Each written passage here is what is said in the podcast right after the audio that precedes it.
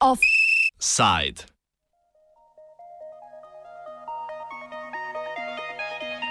Dom za ostarele moli, da se iste več ne voli. Skupnost socialnih zavodov je izstopila iz vladne delovne skupine za COVID-19, v katero bo ponovno vstopila, ko bo vlada sistemsko uredila vprašanje osamitve njenih varovancev v primeru okužbe. Skupaj z Amnesty International Slovenije, spominčico Alzheimer Slovenija in skupnostjo varstveno-delovnih centrov Slovenije od Ministrstev za delo in zdravje zahteva zagotovitev zunanih enot za okužene, ki bivajo v domovih.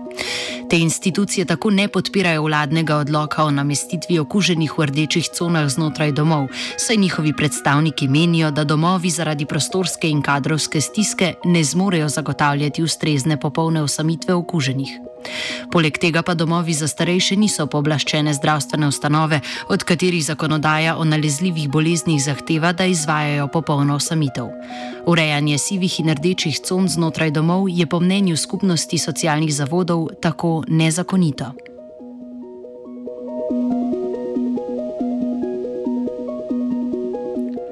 Sahrnikov vzroku za odločitev o izstopu iz delovne skupine za COVID-19 ta naš odstav v bistvu pomeni poziv, da mora delo v tovrstnih skupinah temeljiti na takem dialogu, v katerem so tudi slišani in upoštevani predlogi vseh prisotnih sodelujočih, torej tudi strokovnjakov, konkretno iz prakse, ki konkretno iz prakse poznajo delovanje domov. Um, pač domovi ne moramo prestati na neke nezakonite odločitve, ki gredo v škodo stanovalcev in zaposlenih. In zaradi tega smo izstopili, oziroma bomo s prvim osmim izstopili, če se to ne bo spremenilo.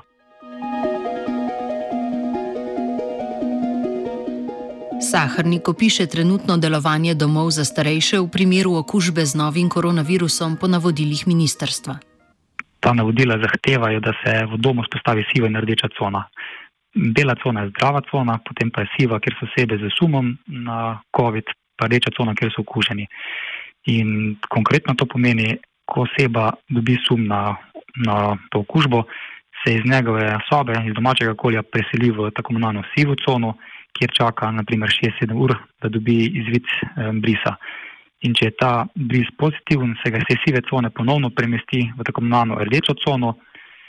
Um, in v tej rdeči coni, to so običajno prostori delovne terapije, fizioterapije, skratka, kjerkoli je neka večja, večji prostor v domu, ker imajo posebni prostor za to. In tam so v kohortni skupinski izolaciji, v tej coni so odstranjeni vsi predmeti, zavese, preproge, rože, stike, skratka tudi vsi osebni predmeti, In v tej sobi, mislim, tej delovni terapiji, naprimer, potem čakajo na to, da mine 14 dni, oziroma da niso več pozitivni. In po naši logiki ni velike razlike, um, če bi to lokacijo premestili izven doma. Istočasno bi pa še zarovali vse ostale zdrave stanovalce.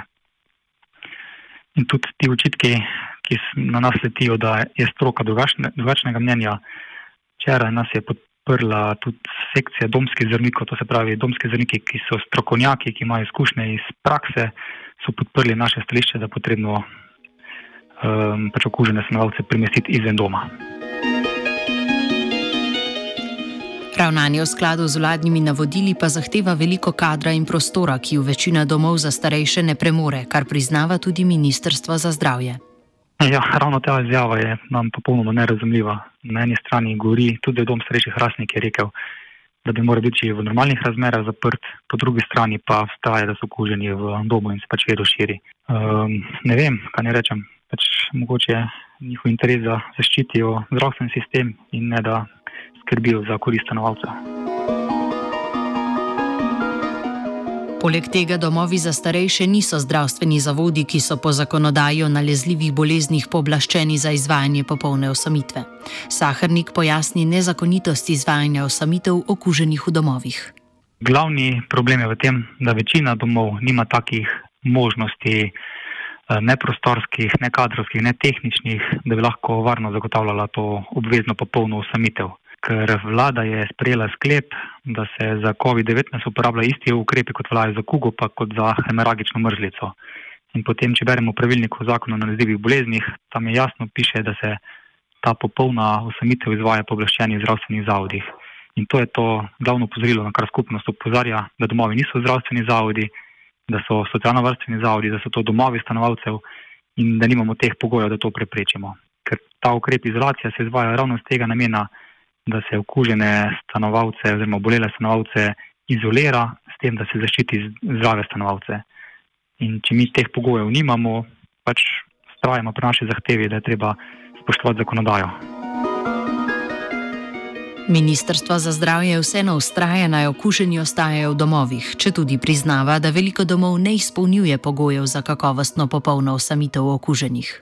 Mi nikoli nismo rekli, da ta navodila, ki so prišle strani ministrstva za zdravje, niso dobra, ker če bi domovi res imeli te pogoje za te tri spostavitve, bela, siva, rdeča, da bi vsem tem kriterijem lahko zadostili, bi bilo super. Ampak to konkretno pomeni, naprimer, da se more med temi conami biti, se ne smejo križati poti, to se pravi čiste in nečiste poti morajo biti ločene. Potem v teh conah mora biti postavljen poseben filter za preoblačanje, soba za počitek, potem v bistvu kader se ne sme, mora biti ločen kader, ki dela v sivi coni, pa ločen kader, ki dela v rdeči coni. Skratka, in to so te malenkosti, s katerimi se domovi soočajo. Imajo hude težave, ker nima dovolj kadra, da bi razdelili delo na tri ekipe. Ker tudi osebje, ki dela v sivi coni, samo s tistim zasumom, mora biti popolnoma isto um, zaščiten, kot če bi delal z okuženim. Ker dokler čakaš na bris, se smatra, da si isto kot okužen. In tudi ti, ki so v sivi coni, v bistvu postopek je čisto isti kot za rdečo cono. Moš imeti isto ločene poti, po, um, ločen kader, ki dela za, za ta čas, teh šest ur, naprimer, ko čakaš na bris. In res, večina domov nima teh pogojev, žal. Kaj je tudi minister za zdravje že sam ocenil, da tretjina domov nima teh pogojev, ampak po našem mnenju je ta ocena še mnogo večja. Izjava ministrstva povdarja, da morajo vsi, ki potrebujejo zdravstveno oskrbno, oskrbo, v bolnišnice. Za ostale okužene pa je boljše, da ostanejo v domovih. Kot argument navaja naslednje. Ključno je, da imamo delujoč zdravstveni sistem. O premeščanju skrbovancev v bolnišnice bi bili namreč javni zdravstveni zavodi močno kadrovsko okrnjeni, kar bi pomenilo manjšo realizacijo programa, kar bi še podaljšalo čakalne dobe.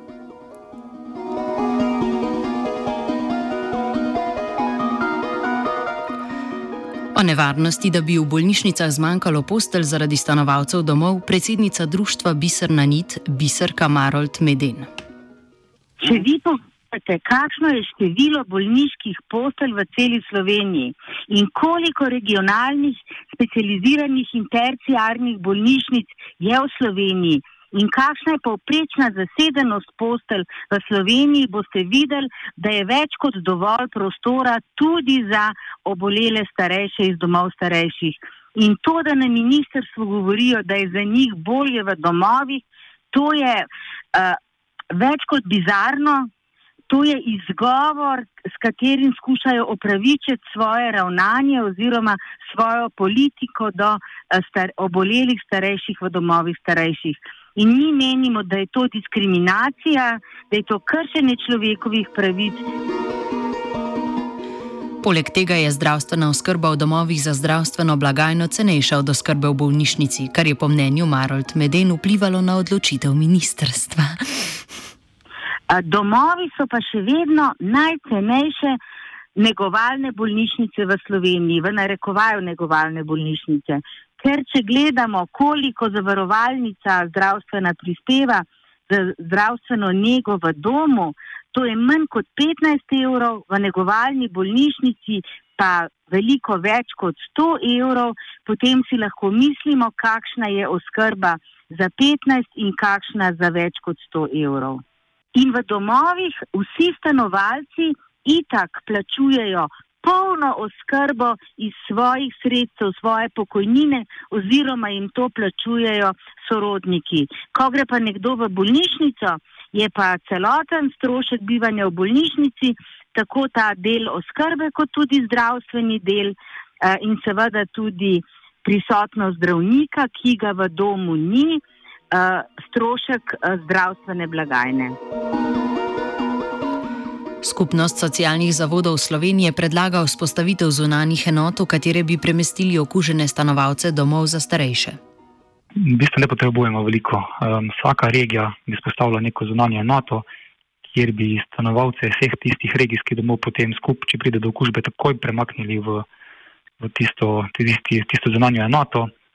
Mogo bi se vzpostaviti nek solidarnostni ključ, naprimer tok procentov ljudi iz tistega zdravstvenega doma, iz bolnice, mogoče tudi iz doma bi posodil kader in bi se vzpostavila ta ekipa zaposlenih, ki bi pomagala in bi bilo za vsak dom to veliko lažje, za celoten sistem bilo veliko lažje, ampak ne vem, zakaj, zakaj nam ne prisluhnejo. Za reševanje kadrovske stiske, tako pravi Sahrnik, pa je pristojno ministrstvo, ki je tega tudi sposobno. Že vse od marca pozarjamo, da v primeru, ko pride do okužbe v domu, tisti trenutek potrebuje dom pomoč zunanjega kadra. In ministr za zdravje ima so možnost, bila je tudi sprejeta 7. julija odredba, um, kjer ima možnost teh namestitvenih kapacitet, kapacitet in tam ima tudi ministrstvo vsa pooblastila, da določi zaposlene, zdravstvene zaposlene iz tistega regijskega javnega zdravstvenega doma, kjer pride okužba, da jih prerasporedi na tisto, na, pač na tisto lokacijo, kjer potrebujejo pomoč. Um, teda rešitev je velik, možnost je velik, ampak morajo to odločevalci sprejeti odločitev in ukrepati v pravi smeri. Medtem pa opozarja na zastarelost kadrovskih normativov za domove za starejše, ki nikakor ne zadostujejo potrebam današnjih stanovalcev domov.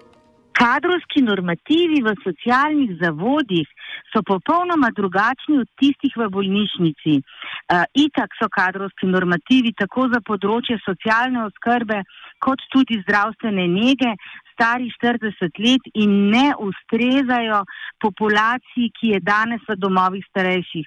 Včasih so šli v dom ljudje, ki so bili še aktivni, pokretni, eh, danes pa so to ljudje starejši od 80 let, z več kroničnimi boleznimi, veliko jih je z demenco in veliko, od 70 do 90 odstotkov jih je že nepokretnih.